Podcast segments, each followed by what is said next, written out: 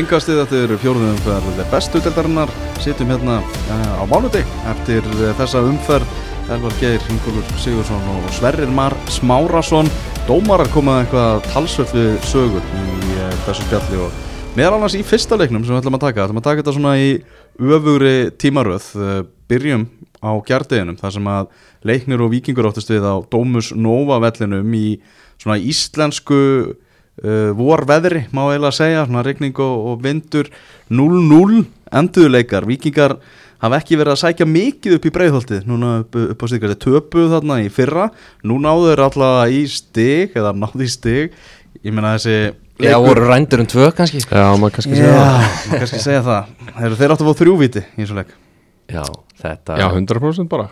Já, ég er búin að horfa á þessu aðtök öll og þetta er bara allt þrjú, allt trend er bara að vera viti sko Já, ég hérna var farin að finna til með þeim hérna í þriði aðtökinu og það var ekki Ari sem finn niður og hann bara hálf hlæjandi, trúir ekki trúir sér ekki og hérna ég skil hann vel og, og þetta bara gefur mig mjög óvart vegna þess að mér finnst Þorvaldur mjög góðu dómari. Hann er það. Og hérna hann hefur einhvern veginn bara mista þessum einhvern veginn á einhvern óskiljanlegan óskiljanlegan hátt. Ég, ég veit ekki hvernig hann fyrir að því sko. Já. Það er engin afsökun fyrir þessu. Nei, nei, hann getur ekki að afsaka það sko. Er ekki sjans veist, líka bara, hann er bara vel staðsettur í flestum aðtökunum sko. Mm. Fyrst manni, þú veist, allavega, þú veist, í fyrsta aðtökunu sem er, ef ekki að segja það bara augljósasta af því öllu augljósasta sko. Jú, það er bara klárt mál. Það er kannski hérna í þriðja þar sem að uh, þeir tveir leikmenninir hérna Ari og, og Dagur snúa mögulega baki í hann. Já, það er svona kannski það mesta sem hægt var að segja en hitt á hann bara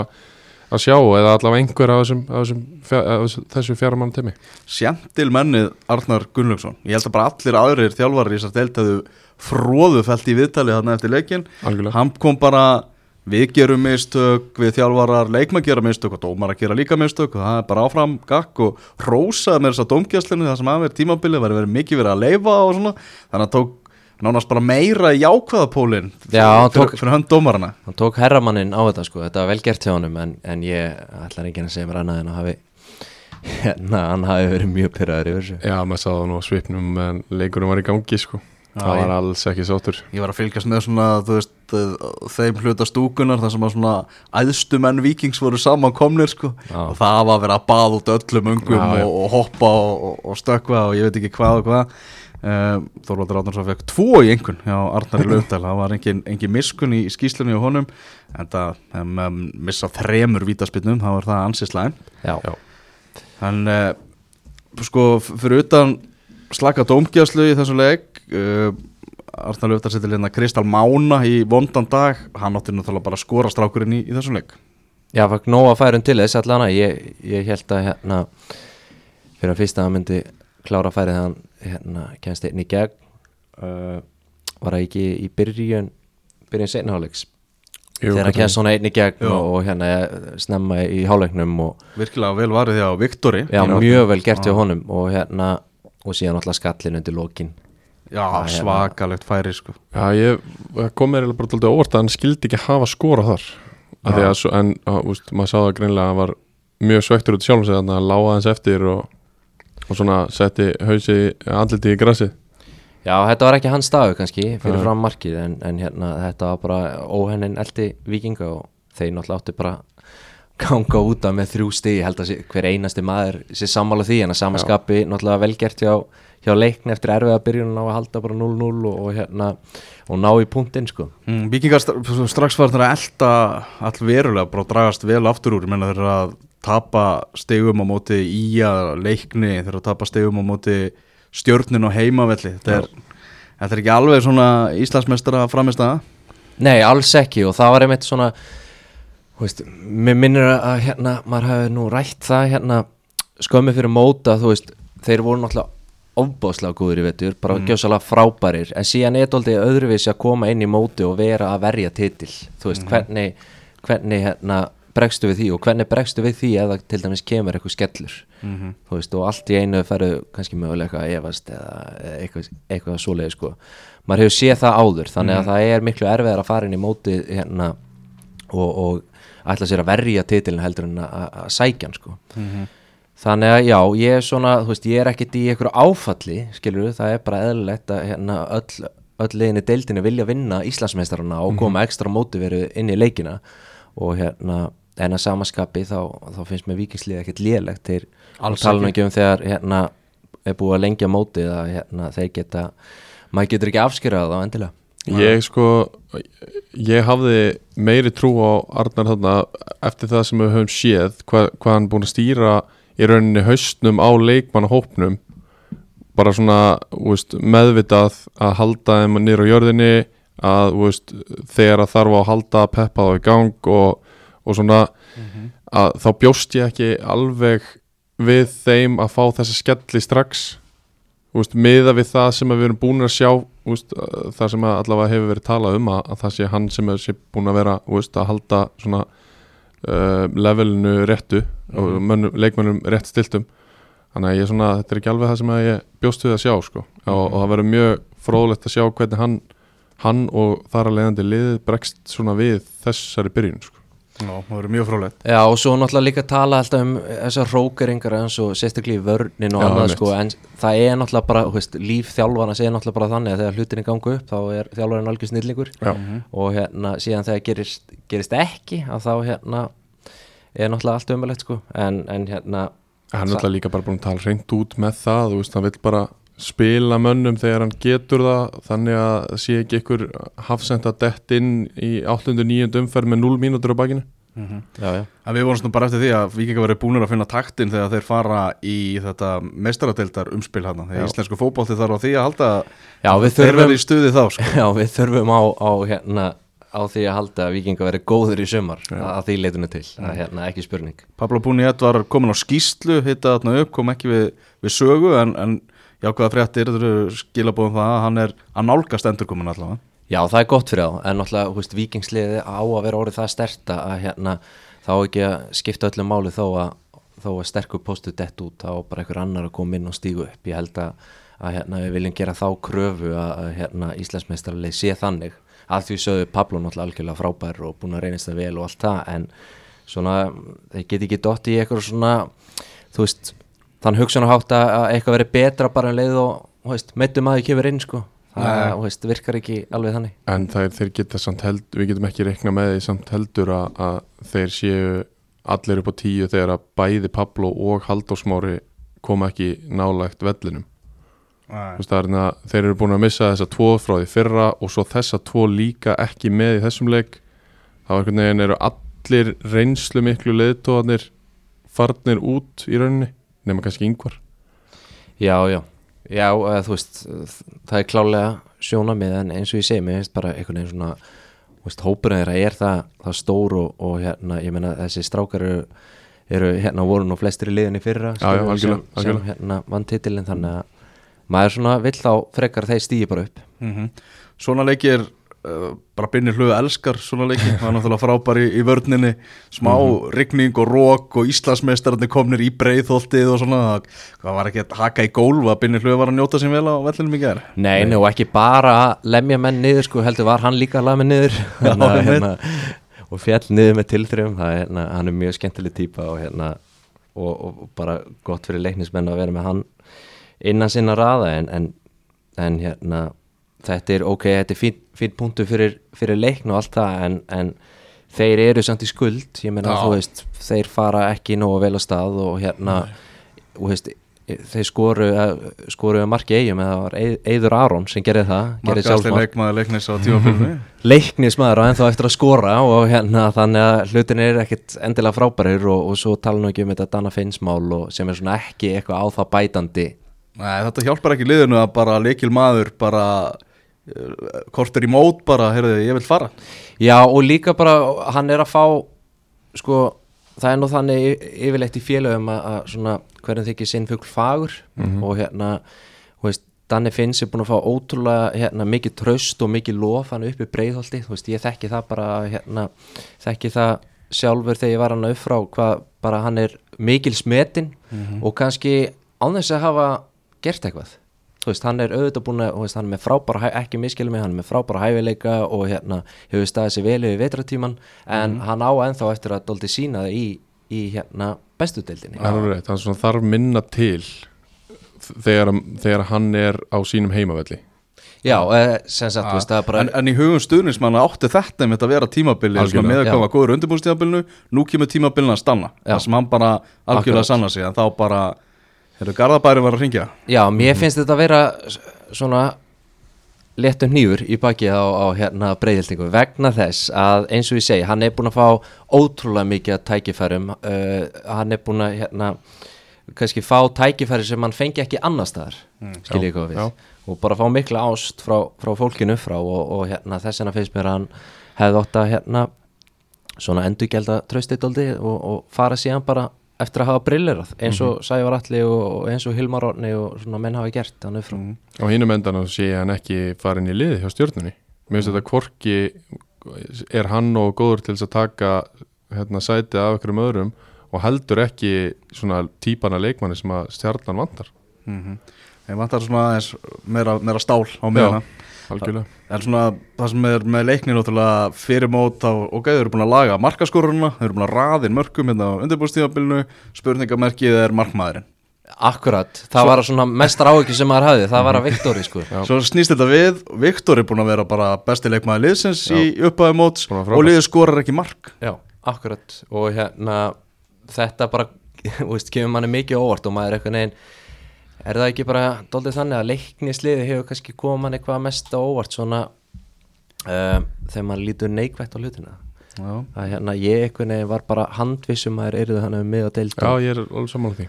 Og hérna myndu taka skrifið fram á þið en í staðin eitthvað neginn þá bara uh, líktar þetta á eitthvað svona second season syndrom eða þú veist, bara þetta er ekki nógu gott game í gangi. En frábært ekki að vera við leikni að svara því á fimmtudaginn þegar þið farið til keflaðegur nákvæmlega. Og maður þetta keflaðeg það er aftur sko, þú veist, þetta er svo fyndið út að nú er náttúrulega, kem aftur inn á það við erum að lengja deildina. Og þú veist, það eru fjóru umfyrir bú, búnar og sko fyrir hérna nokkrum árum þá var það nánast bara þá gæt maður nokkur veginn sé bara hvernig deildin myndi fara en núna er hún lengri og hérna maður þarf að taka það með í reikningin það er hægt að eiga aðeins svona lengri vondankabla þannig að vonandi fyrir leiknismenn þá, þá hérna geta þeir rifið sér upp sko. Vindum okkur þá yfir á meistaravelli þar sem að úslitin eru einnig markalust jafntefli. Byrjum við á tveimur 0-0 leikjum í engastinu KR 0 Hressandi, maður. KA 0 þar sem að eh, Oleksi Bíkov fekk að líta rauðaspjaldið Úkrænumadurinn hérna á 37. mínútu. Elias Ingi, hann hafði bara samvinsku í það eftir að allt sem að Bíkov hefur gengið í gegnum að bara lift upp rauðaspjaldinu á hann. Já, þetta er mikið já, já bara atveg sem er náttúrulega mikið rætt þegar að hann skallar hérna, hinnan gæsalappa hvernig þið viljið túlka þetta í kjartan Henry Fimboðsson náttúrulega eru hann rétt fyrir utan endalínuna ekkert í, ekkert í gangi og kjartan fer svona aftan í Bíkov hann nartar í hælan á hann nartar í hælan á Bíkov bræst, brækst illa við og, og fer hann upp á honum og ég menna kjartan fær eitthvað smá skurð þarna er, er fær eitthvað blóði í andlitið. Rautt spjald. Rétt eða ekki rétt, hvað séru, Sverrir? uh, fyrst þegar ég horfði á þetta ég var náttúrulega ekki hana en fyrst þegar ég sá þetta þá var ég bara svona guð minn almáttugur er bara, mér fannst þetta bara að vera algjörð þvæla. Kjartan Henry svona auðvitað gerir hann þetta þannig að hann stendur upp til þess að sækja þetta sko. Já, og kemur svona veist leikur þetta þannig að hann kemur svona hlutlaust upp á móti til þess að fá höggið en aftur á móti þá náttúrulega bara fær hann skurð og, og hérna ég verðist vera að sjá þetta einhvern veginn öðru sig heldur en þetta actually var því að hérna Bíkov bara hlýtur að hafa skallaðan fyrst að hann fær skurð það er ekkit, það er ekkit lítið til. Eh, Nei, en, en eins og þú segir eins og þetta horfði við manni að koma óvart einhvern veginn að sjá blóðið á, á kjartanin sig algjörlega. Kannski var þetta fake Sjúkraþjálfarinn kemur með þetta var ekki einhver markurður í Suður Ameríku sem gerði þetta eitthvað? Hérna en þú veist Nei, ég menna það er erfitt að mótmála þessu. Já, já, hérna, þú veist, Þetta má ekki og þetta er aukt en hérna, ég er alltaf hrifin að því þegar menn pústa eins að hérna, dómarinn komum bara og hérna, segja mönnum að hætta þessari vitleysu og Halda áfram sko. Mér fannst, ég sá enga reyfingu á veist, hérna, hálsinum á Bíkoff þannig að hann væri að veist, svona, höggva fram til þess að skalla hann eða neitt svoleiðist þá finnst mér að menni að fá svona aðeins. En hins vegar engin skynsemi hjá Bíkoff og það er greinilegt að hann þekkir ekki kjartan Henry Fimboðsson Nei, það er mjög greinlegt Þegar ég held að engin íslensku leikmaður hafi látið veiða sig í þessa gildru bara þekkjandi kjartan sko. Nei, það er rétt. Nei. En alltaf að rauðspjald Skemmtilegt komment samt hjá Arnar Greta svona vitandi það hver á í hlut þá er ég ekki alveg viss með þetta. Það er hart skotið. Já, hann fann náttúrulega líka raut í byrjun setna álegs fyrir Já. trilling þannig að hérna hann var ekki sáttur mm. og náttúrulega þetta rauðspjald gera það verkum að káamenn sem eru nú yfirleitt mjög varnasinnaðir þeir eruðu ultra mega varnasinnaðir bara í, þeir fóru í handbóltuvör og það er bara þannig og það virkaði vel því að þeir náðu stíu úr þessum leik sem þeir geta bara verið mjög sátti með bara eins og uppskeruna í heilsinni Arna Gretarsson þjálfari fór sér sjálfur hann í sturtu og hann vissi upp á sér skömmina í, í viðtali eftir leik. Sagði það að hann hefði nú, já, farið yfir strikkið og kannski hefði allt, þetta bara skilið að vera sendur hann í sturtu. En þessi niðursta er náttúrulega fyrst og fremst bara svakalega svekkjandi fyrir káeringa já, sem að fara illa af stað á, á þessu móti og Rúna Kristinsson sagði að við erum búin að vera betri í öllum leikjunum hinga til og, og uppskeran er ekki meira en fjögur steg já ég meina betri í öllum leikunum Já, já já ég meina Ok, fóru ekki að kópa þessu allir fyrra og hérna og náði þrjá púnta þar kannski á þess að hérna vera þú veist að halda boltanum meira eða, eða eitthvað slíkt sko. Þannig að hérna þú veist, jú, jú, K.R. var náttúrulega betra lið og sérstaklega fram að fram að hérna uh, rauðarspjaldinu en eftir það þá fannst mér eiga bara í miklu vandræðum með að hérna, skapa sér eitthvað svona raunveruleg tækifæri á móti þessari handbóltavörn káamanna þeir náttúrulega eru rosalega djúft á vellinu og ofbáslega erfitt að hérna, búi til eitthvað færi. Og þetta var mestmengnis bara fyrirgjaður utan að kanti og, og hérna og skallafæri eða boltinn datt einhvern veginn fyrir menn í tegnum og, og hérna ég, þú veist hefði viljað sjá káeringa kannski leysa þessa stöð aðeins betur og ég held að, að hérna held að þeir, veist, nú náttúrulega alls ekkit sáttur bara við 0-0 í þessu leik. Mm, þeir eru búin að skora fimm mörg í þessum fjórum leikjum, það eru bara leiknismenn sem hafa skorið færri mörg Já, var það ekki bara fjögumörk í fyrsta leiknum? Jú, var hérna á móti, móti fram það sem voru. Já, voru ótrúlega góðir. svo það er bara ekki skorað Já, en veist, þetta er náttúrulega þeir eru búin að fara í genum hörkuprógram og Já. hérna tóku náttúrulega alvöru leikan á móti, móti blikunum og fara síðan að spila við val og, og hérna spila síðan við Káa náttúrulega heima og, og Káa menn búin að byrja þetta mót mjög vel þannig að, þú veist og eins og Rúnar, þú veist, það er alveg rétt hjá hann Káa liðið er alls ekkit búið að vera eitthvað galið sko. er, þeir eru ekkit búin að vera í, vera í krummafót sko. Nei. en, en næstu þrýr leikir hjá Káar þeir eru bara þar vill maður helst sjá nýju stig sko. Vegna þess að það er IBVF úti á meðugudaginn og, og, og svo í kjölfæru tveir heimaleikir um að kepla eitthvað leikni. Þetta er bara, þeir þurfa bara að fá fullt úr bara- þessu. Já, bara lífsnöðsilegt fyrir á að það er alltaf að hérna, vera hana uppi. Þeir eru áttastegum eftir blikum og það eru fjórarum fyrir búin sko. Já, akkurat. Þannig að hérna en já, ég hef nú trú á því vegna þess að Káli er rosalega vel mannað og, og hérna og vel skipulagt, þá held ég hérna að þeim munu komast í, í gang. Káamenn hins vegar uh, þakka kærlega fyrir þetta stig held ég Mm. Þeir eru með, það var að koma skýsla frá bestu deildinni ah. 0,07 í XG 27,8% af boltan og 142 hefnaða sendingar innan liðs Ah.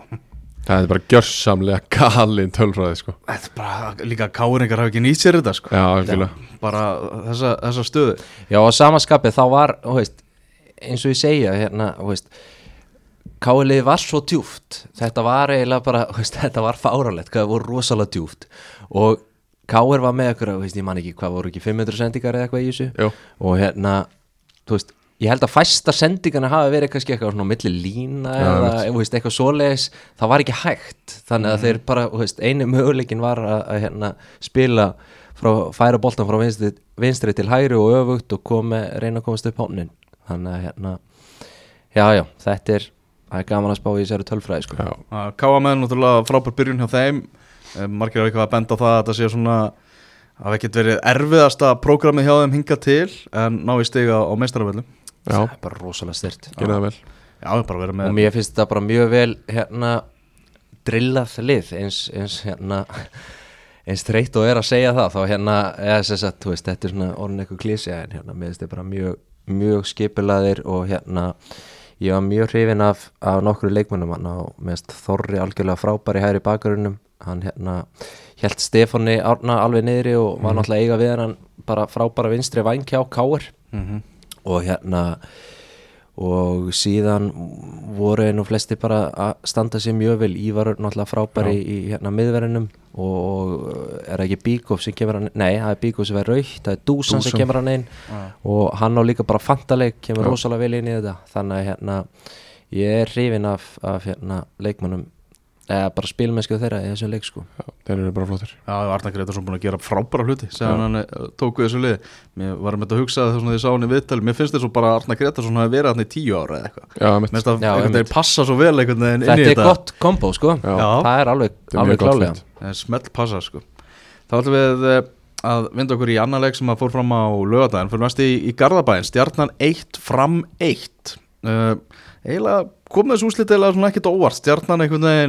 Garðabæinn, stjarnan 1 fram 1 Eiginlega kom þessu úslit eiginlega svona ekkert óvart Stjarnan einhvern veginn rulluði yfir hennar leik á móti, móti Víkingi. Það er Já, svona það rulluði er yfir samt hann. fjögum mörg ási sko. Já, já, fimm mörg Nei, á segjum Fimm fjögur. Og hann En svona mættu sér fram Nýluðum Ungu strákarnir Margir hann maður svona Þetta getur verið smábanan í hýði fyrir það Já, einmitt, ég held að það voru margir sem hugsuðu þannig og hérna þeir náttúrulega stjórnumenn náttúrulega ekki ennþá búin að vinna á heimaðalli. Þetta eru tvö jattefli á móti Ía og, og Fram sem er kannski svona veist, á að vera dóldi þægileg byrjun þannig séð fyrir, fyrir stórtlið eins og stjórnuna en, en mér finnst þetta að vera alveg viðbú ég held að þetta veri dóldi bara svona stjarnan í hnótskunni sumar að hérna, þeir, geta, geta unnu öllu sér lið sko, en þeir geta líka tapa stigum á, á fyrirlögum stöðum. Að því sögu þá náttúrulega var þetta bara virkilega vel gert hjá, hjá Fram og, og hérna flott markjaðum eftir uh, bara vandræðilega pressu stjórnumanna uh, liðið var bara hérna enga veginn í, í seipi þeir eru bara að lenda þarna aftur á vegg sem er lendu í á móti ía í, í fyrstu umferð þar sem að þeir ætli í ykkur að pressu en það er bara engin varnamaður á miðjunni til þess að loka þessum svæðum Já, það sem gerist er að það er svo rosalega langt á milli lína, Já. á milli sóknamanna, miðjumanna og varnamanna og þessi er svona auðvelt að spila upp völlin algjörlega og, það þarna er þarftu bara- en að djúpa miðjumann til þess að vera að spotta þetta og vera klár í þessu svæði. Já, nei, en þú veist þú getur ekki verið með eitt djúpan gæja að kofvera, þú veist allt og stór hún radius, en boltin er komin lengst út til vinstri hann er bara mæntalega færður hann með og mætir svo bara já, Alex já, hann kemur. en, en varna línan hjá stjörnunni Hún þarf að stíga hún, upp. hún að stíga upp. Eh, já, það þarf að, veist, pressan byrjar á aftasta manni sko. já, þannig að hérna, ég, ég hefði viljað sjá þetta þannig og ég, þú veist, mér finnst þetta bara löstur hjá stjörnuna þeir eru að verjast á of stóru svæði. Og allt á miklu fermetrafölda þeir eru að verjast á miklu, miklu vin, minna svæði. Og vera miklu svona þú veist ég veit ekki, þú veist tilgangi með því að fara í pressu ef þú, ef þú ef það er óseint, já, já, skil ég hvað við veist, velja mómenti betur til þess, að, til þess að stíga upp og pressa. Samt sem áður er miðjan bara gal opinn hjá þeim sko. Já, og veik 27. mínúti kemur þetta mark. Gummi Magg Það var náttúrulega hrósa. Gummi Magg bara fyrir að vera komið með tvö mörg nú þegar í, í, hjá nýluðum fram sko. Já. já, algjörlega. Í efstu deild. Mjög vel gert hjá honum og Svona margir einhvern veginn svona búin að afskrifa hann einhvern veginn held að hann myndi aldrei aftur svona einhvern veginn í efstu deild láta ljósett skína sko. Já, já, þú veist, ég, ég elska bestu deildin og allt það en þetta er, veist, þetta er ekki enska úrvasteldin, sko. Og hérna, og Guðmundur Magnússon er, veist, hann er góður í fótboll hann er góður framherri, þannig að, auðvitað getur hann spilað í þessari deild, sko. Og hérna, bara mjög vel gert hjá honum og stert hjá fram að ná í punktana. Bara mjög vel gert og, og síðan þessi uppbóta tími var náttúrulega bara hérna, stórkostlegur, sko. Var bara, Þetta var bara sko bara þessu uppbóta tími er bara einn highlights pakki sko. Já, og ótrúlegt að liðin hafa ekki skorað. Boltin var hann dansandi á línunni bara sitt hverju megin. Emil Allarsson sem að ja, skoraði þetta á jöfnunumar stjörnunar og er bara á eldi. Já. hann náttúrulega fekk hann svakalett færi og, og framarar í svakalegri sók þar á undan. Þetta var, þetta var stór skemmtilegur uppbótinu þetta, var, þetta var, voru læti í þessu. Já, þetta var geggjað, sko. Já. Jafntefli, hvort liðið er ánara með það, vantanlega framarar eða? já, það lítur að vera. Já, þeir hefur tekið þennan punkt fyrir fram allavega. Já, nákvæmlega. Uh, Vindum okkur úr Garðabænum í, í næsta leiks uh, sem var klukkan fjögur á lögadaginn uh, þar sem að Keflavík og IBVF áttust við í, í þrjú þrjú leik, mjög áhugaveru leik. Já, Joey Gibbs kemur Kefvíkingum yfir í þeim leik. Uh, Rúnar Þór Sigurgesson skorar 2-0 fyrir Keflavík. Allt í blóma og maður bara hugsaði hvað Keflavíkingar fara að rúli yfir eigamenn þá kemur rautspjald Magnús Þór Magnússon fær að líta sitt uh, annarkula spjald fyrirleiði Keflavíkinga og þar með raut uh, er þetta ekki, var þetta ekki bara réttu dómur? Mér fannst það hárið Ég er ósamála því. Já, ég er ekki þar sko. Mér, mér fannst það bara hérna Mér finnst það bara glórlust sko. Ég, ég var á þessum leik ég, hérna, Óskar Ófegur sendi mig til keflaðíkur Já, og mér fannst fyrsta, fyrra gulaspjaldi veist, það er ekkert í gangi. Þetta er út á kanti hann er mættur hann fellir hann vissulega. Þetta er, örglega, þetta, er, þetta er mjög líklega bara fyrsta brotið í leiknum. Og afsaki og hérna og svo er þetta allavega fyrsta brotið hans og hann fær guld spjald. Og ég, við vorum allir svona bara að byrja ok, og veist, það er bara strax komið guld spjald. Og fyrir hvað? Mm. Ívar Orri með flötuna Já, svo kemur þetta setna og hérna Andri Rún er aldrei farin á boltanum. Það er völdun á bakvið Magnús. Mm. og hann svona einhvern veginn stuggar við honum. Það er ekki eins og hann Mér finnst það að grípa þeir svona í hann sko. já. En Ég- þetta var finnst það bara, þú veist, það væri ansi? Já, ansi mörg rauð spjöld í leikjum ef þetta er er, hérna, er raukt og, og hérna þú veist, þetta eru fyrstu tvö spjöldin í leiknum. Já, þau eru bæði á hann sko. Algjörlega og búið að tala um það að þurfi meira til þess að fá setna gula spjaldi og þetta var ekki meira. Ah. þú veist þetta var bara svona eitt, eitt af brotum leiksins.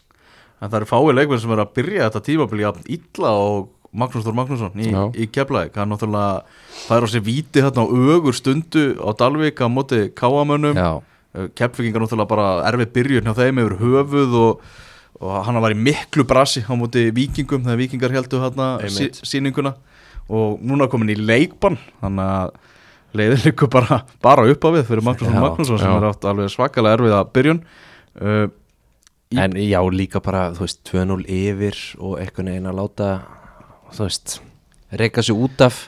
Ja, mér fannst hann ekkert láta að reyka sig út af. Mér fannst hann heldur ekkert bjóða upp á að láta að reyka sig út af. Mér fannst þetta bara galin ákvörun Já, Já, við erum ekki sammála um þetta. Nei, Andri Rúnar Bjarnason, hann minka mun hann á 50 og annari mínútu, Telmo 2-2 og svo Sigurður Arnar 3-2 fyrir IPVaf eigamenn virtust vera að fara að sigla þessi höfn en þá kom Andamátni Róbertsson og, og skoraði á 93. mínútu. Hann var dramatík og keflaði náða að bjarga stíi úr þessu eftir að, eftir að eigamenn virtust vera að fara að landa þessu. Mm og skiljanlega, eigamenn svakalega svektir með að voru og sáu þarna þrjústigi í hyllingum voru betra liða á móti leikni gerðu bara jafntefli þar á heimavelli mæta sem Keflavík, þetta eru liðin sem er í kringum þá og missa fórustuna niður. Þannig að þetta var ansið súrt fyrir IBF já líka eftir að hafa veist, verið 2-0 undir sko það var alveg glata að fá þessu jöfnunumark síðan á síðustu sekundi sko. Ah. búin að vinna upp hérna fórustu, uh, fórskotið hérna hjá kelvíkingum og þannig að þetta er mjög mjög súrt fyrir á en að því sögðu þá eiga þið náttúrulega, veist, þetta er stig stig er stig og Já, já. hérna útivelli og allt það og svo er þið náttúrulega að taka á móti kárikum á miðvikudaginn og það er náttúrulega bara risastórt fyrir, fyrir eigamenn það er alltaf á milli þannig að Já, þeir ætti að geta móti verið sig í smá slagsmál þar já þeir þurfa að gera það því að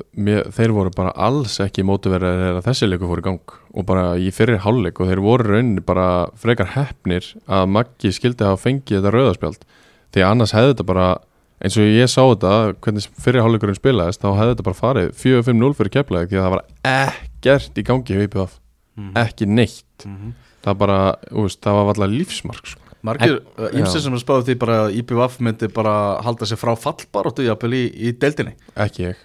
Nei, voru menna að ofmeta eigamenn ég held að mjög margir hafi gert það já. Ah. allavega sérstaklega svona til að byrja með að já, hérna, eins og hefur verið talað um að, að hafa er náð fáum mínútum hérna, líkil menninir og þú veist, eru Guðan Pétur er ekki ennþá búin að klára að leika eða ekki, en nokkuð Það held ég ekki Andri Rúnar vissulega klárað hennan og búin að skora tveimur leikjum röð en, en veist, það vantar ennþá meira frá honum inn í, inn í, inn í En hvernig, þú veist, þú varst þannig á söðinu hvernig Já. finnst þér þessir líkilmenn og þú veist, þar með talið, þú veist, Alex Freyr Eyður Aron, þú veist, hvernig hvernig líta þér út? Um, mér finnst Eidur Aron alveg líta vel út og Alex Freyr lítur betur útlöldur en ég held einhvern veginn Mhm. uh, hann er alveg í, í fínum málum og þegar þeir tveir en, en ég, mig vantar allavega meira frá, frá Guðunni Pétri og Andra Rúnari ef að, ef að þetta liða bara vera að keppast um að hérna, vera í 7-7. sendi sko, eins og einhverju voru spá Andrún er alltaf komið með tvö mörg Já, Hann er alltaf, alltaf búinn að dætt í, gera- í í, Já, í en- ég, nú, bara þegar maður horfði á highlights pakkan svona úr þessu leik þá að sást eila á leiknum og þú þurftir eitthvað sérfræðing til að sjá það að þarna voru tvölið í, í vandræðum þegar maður bara var að sjá varnarleikin og, Já. Já. og hvernig þetta var sko, þetta var svolítið einhvern veginn svona tilvíluna kjent fannst manni Algjörlega og, og ég er alveg búin að segja við nokkra að þessi leikur fór 3-3 það var raukt spjald í honum það var dramatík, samt var þetta örgulega topp 5 leðilegasti leikur sem ég hort á sko. að það var svo lítið að gæðum það var svo margt lélegt og þetta var einhvern veginn svo að hægt og veist, lítið að gerast en eins og ég segir, samt 6 mörg og raukt spjald sko. skrítilegur. Ótrúlega skrítið og skrítið statement frá mér, ég veit það. Það eru kalda kveðjur. Já, ef ekki bara beðu meira guðan að bænum 2022 í bestu held kalla sko. Heyrðu, skæin í að breyðablик 1-5 endur leikar. Uh, það sem að blikar bara ekki svona kláruðu þetta strax í byrjun voru komin í 2-0 eftir, eftir 7 minútna leik. Kristinn Steindósson hann skorur hérna fyrsta markið. Það tekið á hann Misti það, Býttu fóruð í stöngin og í átna svo segir ah, ok. Ok, þannig að það er sjálfsmarki á átnarsnæði Já, Ísaksnær Þorvaldsson, hann skorur sann tvö mörg, setna markið bara algjört konfekt. Já, og eins og Bjarki Már var að benda á Twitter það er bara mörkin frá hann að koma bara úr öllum áttum í öllum regnbúans litum. Já, uh, Dagur Dan hann skora síðan á 64. mínútu. Viktor Örn Margesson skora sjálfsmark og minga munni fyrir í að hafði skömmu áður já. verið nálátt í að skora sjálfsmark líka. En Var- þarna fór hann inn. Það döð að fara hérna rétt áður. Og Anton Lógi Lúðvíksson hinn afskaplega ungi og spennandi leikmaður hjá breyðabliki sem hann var uh, frábær með afturöldning á láni í fyrra. Hann kom, kom sér síðan á blað hann á 87. mínútu og skamunum skellt niður á jörðina Sverrir? Já, það má alveg segja það og, og hérna, en þú veist, ég get alveg ímyndað það svona eftir að hafa bæði spilað undir Jóni Þór sem leikmaður og, og náttúrulega þekkja hann mjög vel og að hann hafi sett hennar leik upp vel og verið með ákveði plan sem að átti að hérna, átti að vinna að sem að fer náttúrulega bara í vaskin eftir sjö mínútur Ah. að, og í, í rauninni fyrsta, fyrsta lagi eftir þrjár mínútur svo náttúrulega bara 2-0 fyrir breyðablик eftir 7 mínútur og, og það er náttúrulega bara margtur og aldra sem að mæta breyðablik að vera lendir undir á mótið þeim og hvað þá 2-0 svona snemma Mm.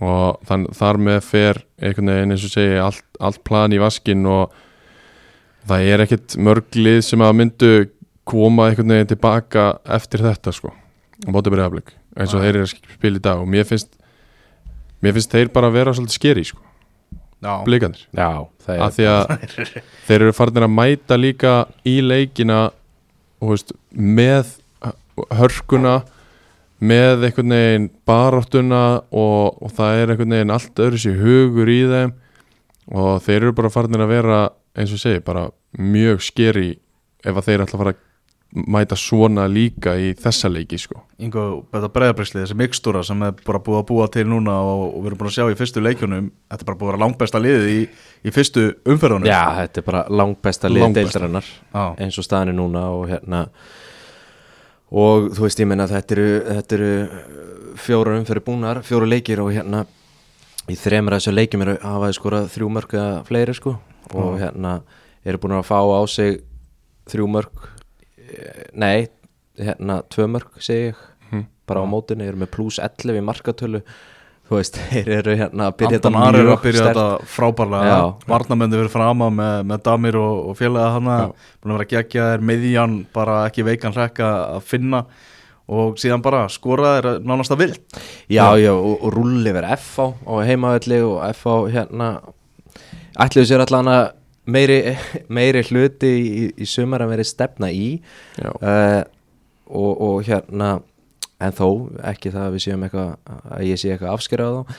En næstu, næstu tvei leiki vera mjög áhugaverir að sjá hjá, hjá blíkunum vegna þess að þeir eru að fara að spila við stjörnuna sem er náttúrulega bara hérna það verður geggjaða leikur og stjarnan gott er unnið á ekki tvísvar í vetur. Það var mæst tvísvar og unnið Eh, bæði jú. skipti Stjarnan var það meðal annars í úslitaleg fótbolta.net mótsins. Já, akkurat. Og hérna uh, ég held það en ég þú ekki að hengja mig upp á. Og síðan í sjöttumferði er náttúrulega bara fara er í, í víkina og spila við Íslandsmeistarana. Já. þannig að þetta er hérna þetta eru spennandi leikir framöndan hjá, hjá breyðablika en eins og staðan er núna þá bara þetta er lang besta lið til landsins. Já. Og í 6 næri náttúrulega líka að það er oft talað um að menn, menn með sjálfströst þeir séu betri en þegar hann er með sjálfströst það þú bara þú keppir ekkert og við formi. það sjálfströst Já. sko Þannig að það er búin að segja bara náttúrulega allt um Ísak sem hægt er að segja Já. hérna í uppæðimót búin að vera reynt út satt stórkostlegur það er þannig Já. Menna, hversu stóran þátt á bara Óskar Rapp í, í þessu bara hvernig hann einhvern veginn tekur hann þú veist, selur honum verkefni sem, að, sem hann er í Mhm. Og fær hann bara einhvern veginn upp á, upp á þetta stig slípar hann svona til, svo úrverði bara besti leikmaður, bestu deildarinnar. Ég held að hann er rosalega mikið hrós fyrir eh, skilið fyrir það. Ég held að það sé ekkert auðvelt að ná inn í hausinn á Ísak Snæ svona og svona vel og svona mikið. Ég held að, að, að, hérna, það hefur mikil veist, samfæringamáttur Óskars spila þar mikið þátt. Já og hérna Ísak var kannski veist, hann var ekkert á frábærin stað endilega í fyrra veist, eins og hefur verið fjallað um og hann var líka hérna veist, skap mikill í leikjum og var að, veist, í einhver svona einhver vitleysu Já, og svo líka en- áður veist, hefur hann verið á reynslu í liðum Erlendi sem, sem hann hefur bara farið heim og, og, og þegar hann var í Skotlandi þá lenda hann eitthvað upp á kant og fór bara heim og það Já. þarf alveg mikið til að, að komast hann inn sko. Já, vel gert hjá, hjá blikunum og líka bara, þú veist ég sá hann spila einu svona tvisari vetur og þá var hann framalega á vellinum að vera að koma þar inn á og ég svona skildi ekki alveg alveg hvað hérna uh, hvað, veist hvort að það væri eitthvað eitthva plan. Síðan sjáum við hann hana í hérna meistara meistaranna skömmu fyrir mót og þar er hann vinstra megin og maður er eitthvað svona fyrir að sjá því og hérna og var ekki, þú veist, það var ekki frábær frábær leikur hjá honum eða af liðinu og hérna en síðan kemur hann bara inn í þetta mót og það er bara eins og hann er eins og Prime Ronaldinho þannig út í vinstra megin sko Já, hann, er, hann er að elska bestu deildina maður sér það sko, svo að sé hann á öllum leikjum sko, sem áhorfandi Já. Þegar hann er ekki að að spila með breyðablíki Já, sko. það er rétt, Úst, það er svo mikið vopn líka fyrir breyðablika að vera að koma með svona gaur sem að getur bara hengt hann upp Já. og úst, annarkvort fær hann boltan bara í skrokkin og tekur hann niður eða hann skallar hann áfram sko. Mm Þannig að maður getur eiginlega bara rósaði nánast öllum í þessu breyðablíksliði Ólfur Sigurjónsson, hvernig hann er að byrja þetta? Já einmitt, annað sem hefur kannski komið mér á óvart hvað hann hefur verið að spila vel í, Já. í byrjun mótsvegna þess að veist, hann er búin að vera dóldi svona inn og út og, og hérna veist, einhver efasendur um að hann hendi þessum leikstíl og svo framvegis uh, en, en hérna hann hefur bara stíði hrikalega vel upp og er náttúrulega bara þegar þegar liðinu gengur svona vel þá bara, þú veist, eins og þú segir það er hægt að rósa öllum, það einhvern veginn eru allir að, delivera og, og blómstra. Um, Viktor Karl fyrir út af eftir 20 mínútur, meittur það? Þetta er eitthvað sem það er að var kanna. annar staðar á sama tíma. Já, taktist Það að- kvílan, 2-0 yfir. Nei, nei, það hlýtur að vera Hlýtur að vera meittur, það er ekki gott. Já, ég sá, jú, ég sá eitthvað, Óskar var eitthvað að tala um þetta sem að var að tala um að væri eitthvað tæpur þetta væri smávægilegt, Já, ok. En bara greinilega svona ákveða að taka enga, enga áhættu í ljósi stöðunar sagði Viktor væri náttúrulega líkilmaður í liðinu og, og eins og hann er. Já. uh, Skagamenn, ef við ræðum að um þá hver var mestu vombriðin hjá, hjá Ía uh, Ólefur Stefánsson átti, náði ekki að fylgja eftir þessum leikamóti Viking sem að er náttúrulega alveg líka búist við. Ég meina, að má ekki reikna með því að, að hann verði bara upp á tíu alltaf í öllum leikjum á þessu tíumbili Já, þeir að koma, koma tilbaka uh, Mér varst líka, veist, þeir sem komu inn voru ákveðin meina, Brynja náttúrulega nýkomin inn á hann er hann, er hann missir boltan bara og raunir gefur degi boltan mm -hmm. og þar er staðan 3-0 eða ekki? Já, og svona það er verið að reyna að breyta ykkur eða verið að reyna að blása ykkur lífi í þetta og þá bara svona aftur þú veist, annað högg í andliti.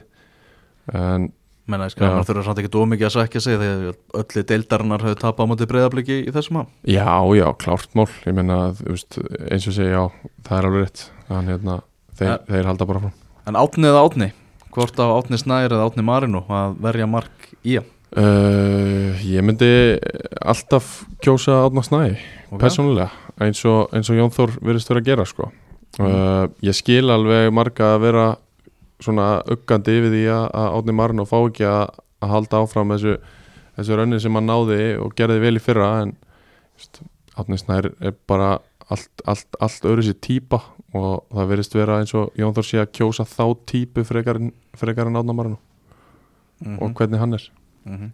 Þannig að Áttisnar er klálega að geta gert betur í, í þessum leik Já, já, algjörlega, alveg á, á nokkrum stöðum sko. Já, Hvað myndir þú kjósa? Ingo?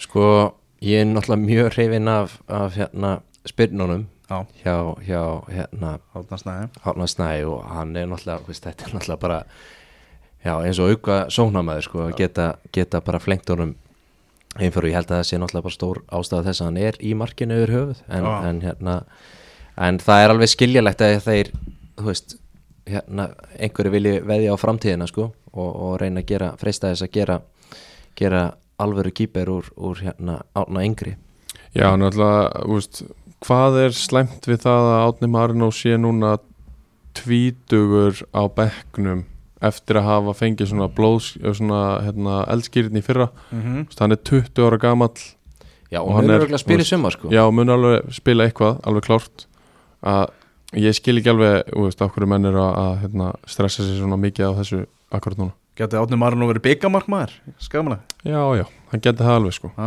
Hann spilar eitthvað í sumar. Já, ég held að það sé klárt. Að sindra í, í byggaldum Það er ekki líka til að hann spili á, á Mjög líklegt, mjög líklegt. Já, nákvæmlega. Fáðu traustið á höfn. Já, Já, það er bara þannig. Þarna, Já, það var uh, skellur sem að, sem að skagamenn fengu, fengu þarna. Stuðningsmennir og náttúrulega mættir þarna klukkutíma fyrir leik og það Já, já. fengið mikið lof stuðningsmennir það búið að selja 100 uh, í að últras jakka ah. Sáuðu jakkana, þeir eru Eru þau eru geggjaðir. Geggjaðir jakkar. Sko. Algjörlega stórkostlegir sko. Virkilega flótir Já.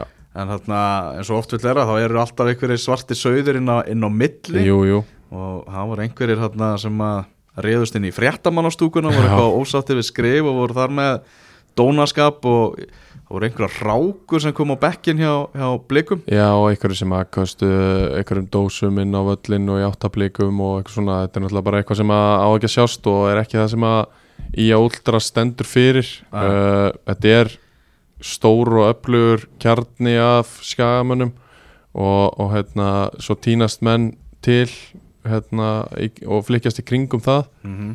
og það er einhvern veginn skilabóðin virðast uh, vera miskiljast á einhvern hátt og, og það þarf bara ein- einhvern veginn að, halda, veist, ég veit ekki, sameilega fund það sem er bara farið yfir hvernig á að koma fram og, og eitthvað svona. Þetta eru, ég held að þetta sé aðalega þetta sé aðalega ungir ungir strákar sem að hérna, einhverjum myndi kalla goons í dag. Já, það er að fara við strikið hana já, og þeir mistu sig aðeins í gleðinni Verður þetta bara, bara lagað og já, ég, svo ég, að, jákvæðin haldi algjörlega áfram í ég, held, ég held að þe- þessu verði kipti í, í lag. Já, kringum þessa bestu stuðnismannasveit uh, deildarinnar. Já. Heyrðu, förum að þá aðeins á, á föstudaginn á Kaplakrikavelli sem að Já. FA og Valur gerðu 2-2 jafntefli. Við töluðum um þennan þátt aðeins ég og Tómi í útastætturum á, Já. á föstudaginn. Þú varst náttúrulega í stúkunni. Uh, hvernig svona hva- hvað svona tekur úr þessum leik Uh, ég myndi röglega byrja á því að taka út úr því að, að F-fæðingarnir þeir ætla alveg að vera með. Já, þú veist, uh, ég myndi alveg byrja á því að hérna, þeir voru uh, betri aðalinn í þessum leik alveg lengst af og, og það er í rauninni ekki fyrir en að að þarna, í kringum klukkutíman það sem að Orri Rapp kemur inn á veist, og hérna, það sem að Valur aðeins stígur á bensinkjöfuna og, og tekur, tekur yfir að leika eftir eftir að FH fengu tvö eða ekki þrjú tækifæri til þess að komast í 2-0 sko.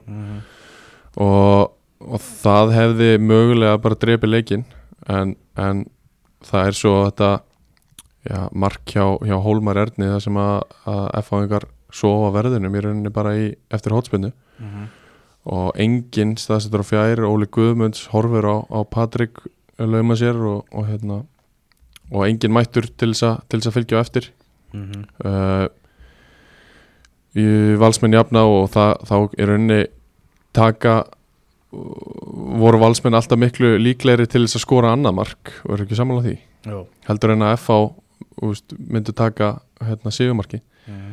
og, og Arnús Mára náttúrulega gerir það á 83 mínútu en, en virkilega mikið hrós á, á að- að hafa svona fundið karakterir innan bórs og, og, hérna, og sótt þetta, þetta jöfnunamark eftir það sko. Mhm. ég held að þetta myndi alltaf síkla út í, í að renna út í sandin eftir, eftir þetta annar mark Já, þannig að þeir náðu stíið þarna ennfáðingar en þeir eru ásamt káringum bara akkurat núna fyrir neðan strikana Já. þegar í tvískiptingu deildarinnar í 7. og 8. sæti þannig að það betur má ef duga skal hjá, hjá þeim einhver kemur þér á óvart svona meða við hversu slagi valsmenn voru á undirbúinstímabilinu og hvað það var að ganga einhvern veginn brós og þeim að þeir séu með tíu steg og ósigraðar eftir fjóru umfærin Já, alveg pínu vegna þess að vir, virtust ekki vera alveg með liðið sitt svona bara í síðustu leikinu fyrir mót og, og hérna og var ekkit frábæri hlutir í gangi og, og hérna ég er svona e, þannig að þetta kemur alveg pínu óvart e, það hérna að því sögðu þá þú veist frammistaðan hefur ekkert verið stórkostleg. Nei, og hérna manni finnst svona dóldi eins og megi lítið svona, já, út að bregða sko, svo hlutinu hérna svona, já, e, e, veist, ef þeir hægt að taka stígin, skilur að, að þá, þú veist, gæti orðið smá brekka. En en mér finnst bara margt mjög jákvætt í, í þessu valsli og hérna og mér finnst nokkrir spilar hann reikulega skemmtilegir og ég er sammála sammála ykkur því að þegar veist, Orri kemur inn á uh, algjörlega frábært sprengir þetta upp og þú veist, ég vil bara sjá hann nánast byrja og hérna sömulegis Arnó Smára kemur inn með þvíli gæði og ég lega svona þú veist, ég horfði á hann að leika í sjónvarpinu og eftir að Arnó kemur inn og er veist, hann er með svo ótrúlega mikil gæði á boltanum, hann sér leikin svo vel og veist, hann þarf bara eitt touch skilur til þess að finna mann vegna þess að hann er svo góður og þessi miðja hjá Val þarf að vera helvítu öflug til þess að, að hérna, til þess að hann verði áfram hann á bekknum sko. Vegna þess að, að hérna já, og fyrir utan það hvað hann er góður að, að hérna að þá hérna náttúrulega er hann með markanef þú veist, hann hefur alltaf skorað og hann skilur sér inn í teginn og, og bara mjög vel, vel gert hjá honum að, að hérna ná laumin þessi marki. En ég á mjög hrifin að Orra og Arnóri sérstaklega og, og hérna og náttúrulega líka alltaf gaman að horfa á Arun Arun, Já, já, það er betur. ekki aðeins Já, það eru gæði Þannig að skoðum aðeins komandi umferð. Ég ætla að fá að koma með eitt punktuna Já. áður en að, þið hérna, við höldum áfram. Já, Þetta er punktu sem ég er búin að segja við allavega þig já, offer nokkur sinnum. Mm. að það er að hérna, þannig ertu komið með tvo atvinnumenn og þeir eru komnir heim sem að hafa meðal, að, fyrir að fyrsta Aron Jó sem hefur alltaf spilað sem framherji og alltaf skorað mörg sem framherji og búin að spila allan sinna atvinnumann og feril sem framherji mm. og svo hérna Arnór sem að hefur e, sem að var úti í 17 ár alltaf sem hérna annarkort fljótandi í kringum framherjan eða út á kanti og núna eru þeir báðir komnir heim til Íslands í val og mér finnst einhvern veginn vera að reyna að finna upp hjólið að búa til eitthvað annað úr þeim en það sem þeir hafa gert allan fyrirlin já. þú veist, Er það, þú veist, ástæða fyrir því er bara að þeir eru með Patrik Pedersen og ætla að hafa hann í, í liðinu Já, og mér finnst það dæmi vera búið Ég kom í februari í hérna útásáttinu og sagði bara Ah. að ég er að býða eftir því að hann detti út úr liðinu af því að hann, á meðan hann skoraði eitt marka móti K.R. þá hefði liðið örglega að skora þrjú sko. Það var þetta glæsilegt markið á hann það var glæsilegt mark, algjörlega en það eru fjórileiki búnir, hann er búin að skora eitt mörk að varamaður búin að skora tvö sko. Það mitt og veist, mér finnst hann bara að missa boltan meira heldur en að halda honum og, og, og hérna, eðilegu fleiri sóknir heldur en hann býr til sko. Þetta er náttúrulega bara aðal umræðandi í fjósinu þegar menn eru að fá sér hann að kaldan hænega en valsmenn. Það er bara hvernig byrjunulið á að vera. Já, já. Já, ég meina það er hægt að búa til margar útfæslur og mjög góðu liði. En hérna og mér finnst þeir svona hérna, veist, þó að þó að ég sagði á hann sko, það getur aldrei svona bröðu til begja vona hann á hlýðarenda þá finnst, eða það er svona tilfinningi þegar maður er að horfa á þetta en þá eru náttúrulega þeir eru með svo ógeðslega góða leikmenn og, og veist, þeir eru með náttúrulega lang besta hóp deildarinnar, það Já. er bara þannig Já, svona ef maður skoður þetta bara ef maður lesi nafnalistan sko og það er hægt að búa til fjölmarkar hérna fjölmark uh, góð byrjanlega út úr þessu en, en, en síðan finnst mér bara að vera algjör löstur uh, og bara, já, bara glatað að hérna þeir eru svo mikla dramadrókningar hann á, á hlýðarenda sem hérna þessi stýra þessu að það er bara á hverju einasta ári þá er, þá er eitthvað drama í gangi og nú er Sigur Egil sem er bara Já, búin að standa sér stórkostlega fyrir val undanfærin ár og hérna valsmenn eiga bara velgengni hérna liðsins bara hún er mikið að þakka og hérna hvernig þeir eru að koma fram við hann og hvernig hérna þetta allt sem hann er þetta er bara veist, þetta er ekki, ekki fallega gert sko hjá valsmennum Glugganum verður lokað á miðnætt á miðugutaskvöld í hvaða liði verður Sigur Reyðl á 15 val. Val? Já, bara vonandi og vonandi hans vegna og vonandi vals vegna og ég held að, þú veist, ég eh, ef að það ekki að heimir getur verið þrjóskur og, og þver og, hérna og með sínar meiningar og allt það en, en kannski þarf hann líka á einhverjum tíumpunkti að kingja stoltinu og hérna og vera stærri maður fyrir viki sko. Ég vil allavega sjá þessa breytingu að Patrik verði sendur í kælingu. Aron kom upp á topp og Arnór í, í, í tíuna og hætta þessu drama. Já, og hætta þessu drama líka. Nei, nei, ég, ég, ég vil halda dramanu ég, Mér finnst það skemmtilegt. Skoðum næstu umferð sem er spiluð á miðvíkudag og fimmtudag og það er ekki ástæðu lausu sem ég ætla að fá þig til að spá sverir Já, í, í þessa já, já, þú meinar. Já, já, já ég veit okkur Byrjum samt í, í vestmannum IPVF og KR er að fara að mætast á Hásteinsvelli klukkan 6 á miðvíkudag Já, viltu tölur eða einn next fyrr? Ég vil tölur. Uh, 0-2 Heyrðu 1915 á Origo vellinum Valur Ía. Nú er ég spenntur. Uh, Liðin þín? Það fer 3-1 fyrir val. 3-1 sigur vals. Já, ég er svona 6-0 6-0 Nei, ég er að Nei, nei, nei þetta verður hörkuleikur og, og hérna Jón Þór leggur þetta, leggur þetta vel þeir fá ekki marka á sig snemma eins og mútið blika og þetta verður 60. hörkuleikur. Já, eitthvað slags Káamenn halda áfram á Dalvík og gengur vel hjá þeim á Dalvík núna betur heldur en, í- fyrra og þeir eru að fara að fá FH í heimsum Já, ég held að Káa vinni þann leik 1-0 Já, það, lyktar ekki á, á miklu mörgum þessi Nei, leikur. Káa verður með svona 0,3 XG Heyrðu, á sama tíma breyðablík stjarnan aðaleikurinn á, já, vinnum okkar á, á stöðtu sport. Já, ég ætla að spá því að þessi leiku verði uh, keim líkur þessum, þessum vikingsleik að verði fullt af mörgum mjög opið og, og hérna endi endi 3-2 fyrir breyðafleik Ú, Þetta er Ég áhugaverð held að það er vinnið ennileik Gætu þið fengið einhver óvænt úrslit á það? Að Gætum tal- það. Tala um stjörnuna og Nei, Jökull þarna aðst- að aðstofa Já, Gústa þekkir blika alveg út í, út í gegn Ég held bara að breyta engu er út með blikanir sko. já, blikanir, þeir eru orðnir uh, bara, þú veist, þeir eru á svo góður siglingu núna að ég sé þá ekki tapa þessu leik. Aja. Heyrðu, Keflavík leiknir, við erum komin á fimmtudagskvöldið. Uh, Öllum til óanægu þá fer þessi leikur 1-1 1-1 Aja. Ég var að vonast að þetta er fleiri en einu marki frá leikni. Það er Já. langt, sér að leiknir eru En verður með er- þessu skora Það er, það er vond að spá það er erfitt að spá hérna, mörgum mörgum hjá leikni.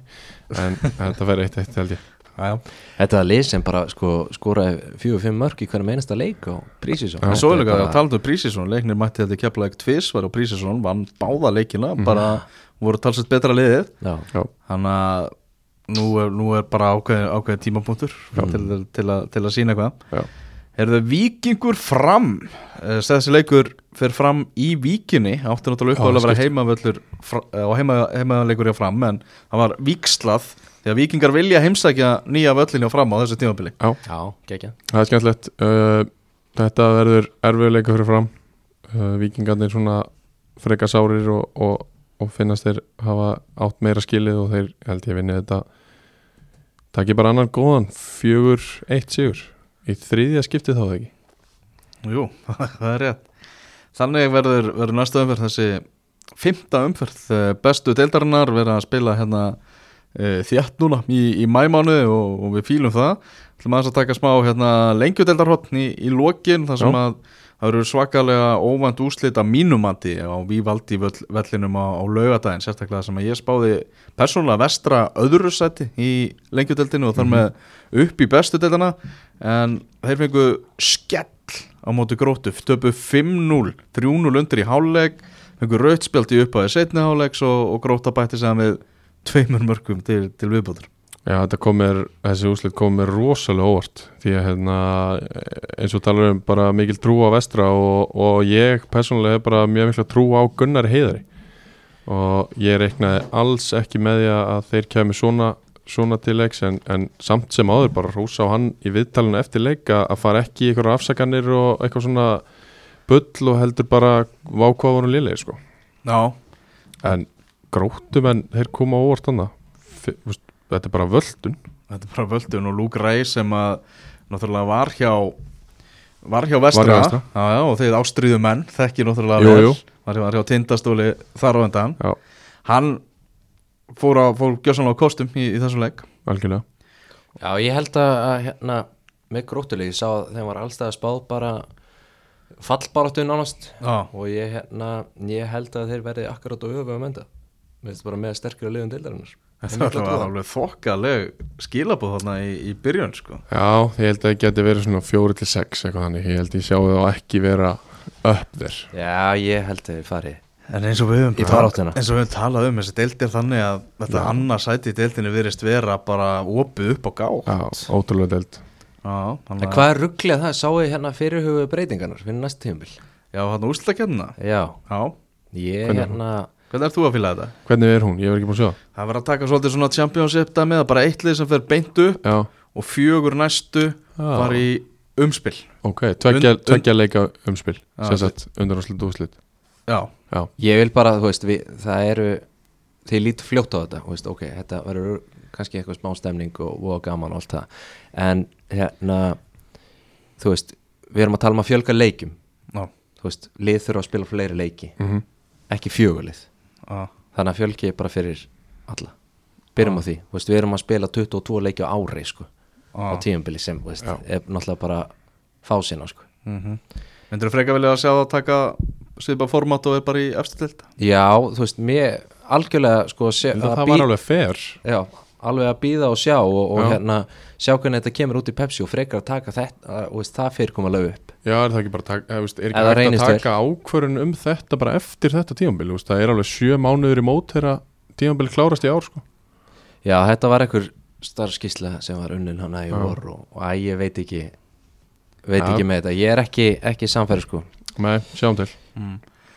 Já, fróld að sjá hvernig svona bara Þú veist, þú, þú basically býrð til einn geggjanleik sem Já. er úslita leikurinn um annarsætið. Já, Já, en þú veist þetta gerir ekkert fyrir, fyrir hinluginni deildinni og það er svona til að búa til bara eitt partí Já, bara eitt partí sko. Já. en, en ég held og, að svo, liðin og svo er það náttúrulega líka bara spurningi hvort að þú veist lengjudeildin bara bjóðu upp á það að vera nægilega sterk að allt einu bara slýsist liðið í fimmta sæti upp sko. Já, einmitt. Því að lið, sem hafa verið að lenda í öðru sæti og jafnvel fyrsta sæti hafa nú verið nægilega miklu brasi deilt Já. ofar sko. já, Nákvæmlega, þannig að ég held að og þú veist, liðun, þú veist, liðun þurfa fl- fleiri leiki. Uh, þú veist, við erum að spila öruglega bara fæsta leiki á tíumbili í Evrópu sko á, á hérna tíumbili þannig að hérna ég held að frekar að býða og sjá hvernig þetta reynist í að. Mhm. og hérna, samanlega mm En fróðið að sjá hvernig vestramenn munu svona svara þessum skell þarna, það er áhugaverð næsta umferð á 50. kvöldi, þá er Kávaf og Háká að fara að mætast á KR gerfugrassinu, Kávaf að fara að spila heima þetta tímabilið í, í fyrstu tildinni. Er ekki búið að setja upp ykkur að bráðbærastúku þarna? og eitthvað? ég held að sé verið að vinna í því núna Ah, bara ok. og hérna þetta verður rosalegt sko. Já, tvölið sem að töpuði í fyrstu umferð. Það er þetta önnur úslitirna sem að hérna, koma óvart Það var að Selfoss fór í kórin og tók sigur Já, það var svakalega stertið þeim. Uh, Grindavík mætir þrótti vógum á sama tíma á 50 daginn. Suðunisaslegur Suðurnesas slagur og vinna félög Já, Já, Grindavík og þróttu vóum Selfoss mætir gróttu og eins og segir Selfoss með öfluga sigur í Já. fyrstu umferð. Er mæta gróttu sem rúlaði við vestra. Það er helviti flottur leikur. Og kórdrengir fylgir það er er Já, kórdrengir mættir í Savamýri. Er verða þar í sömar mjög aðtækisverð umferð Já, sem er að fara í gang. þetta er bara kórdrengir fylgir náttúrulega lið sem að margir spá bara tveimur efstu sætunum jápil Já. í, í þessari deil uh, svo er fjölnir þór þetta er miklu miklu samaríkar umferð heldur en fyrsta umferð Já, eða önnur umferð hefði látt að vera fyrsta umferð til að kera Já, á, áhugan almennilega í gang sko. Og svo á laugadaginn þá er það afturölding vestri í Mósesbennum klukkan 2 Malbygg stöðinni að Varmá. Já, sem verður okkar uppáhalds vallarna Já, Já, býtu bara. Er eitthvað nýtt á, er, er eitthvað í deglunni? Nei, ég get ekkert gefið upp, ég segi það. Við býðum og, og sjáum. Mun hann ekki heita Káar völlur þegar framlega stundur Ég veit það ekki. Það er eitthvað að gerast, það er eitthvað í loftinu. Það er eitthvað í loftinu. Heyrðu, við segjum þetta gott í ennkastunum þessu sinni nema að hafa eitthvað að lokum, strákar. Nei, ekkert þannig bara, Nei, bara einhvern veginn Bara gaman að þessu. Já, bara ótrúlega gaman að þessu. Sumari, það er komið á fulla ferð. Betur. Takk fyrir að vera með okkur í, í dag. Takk fyrir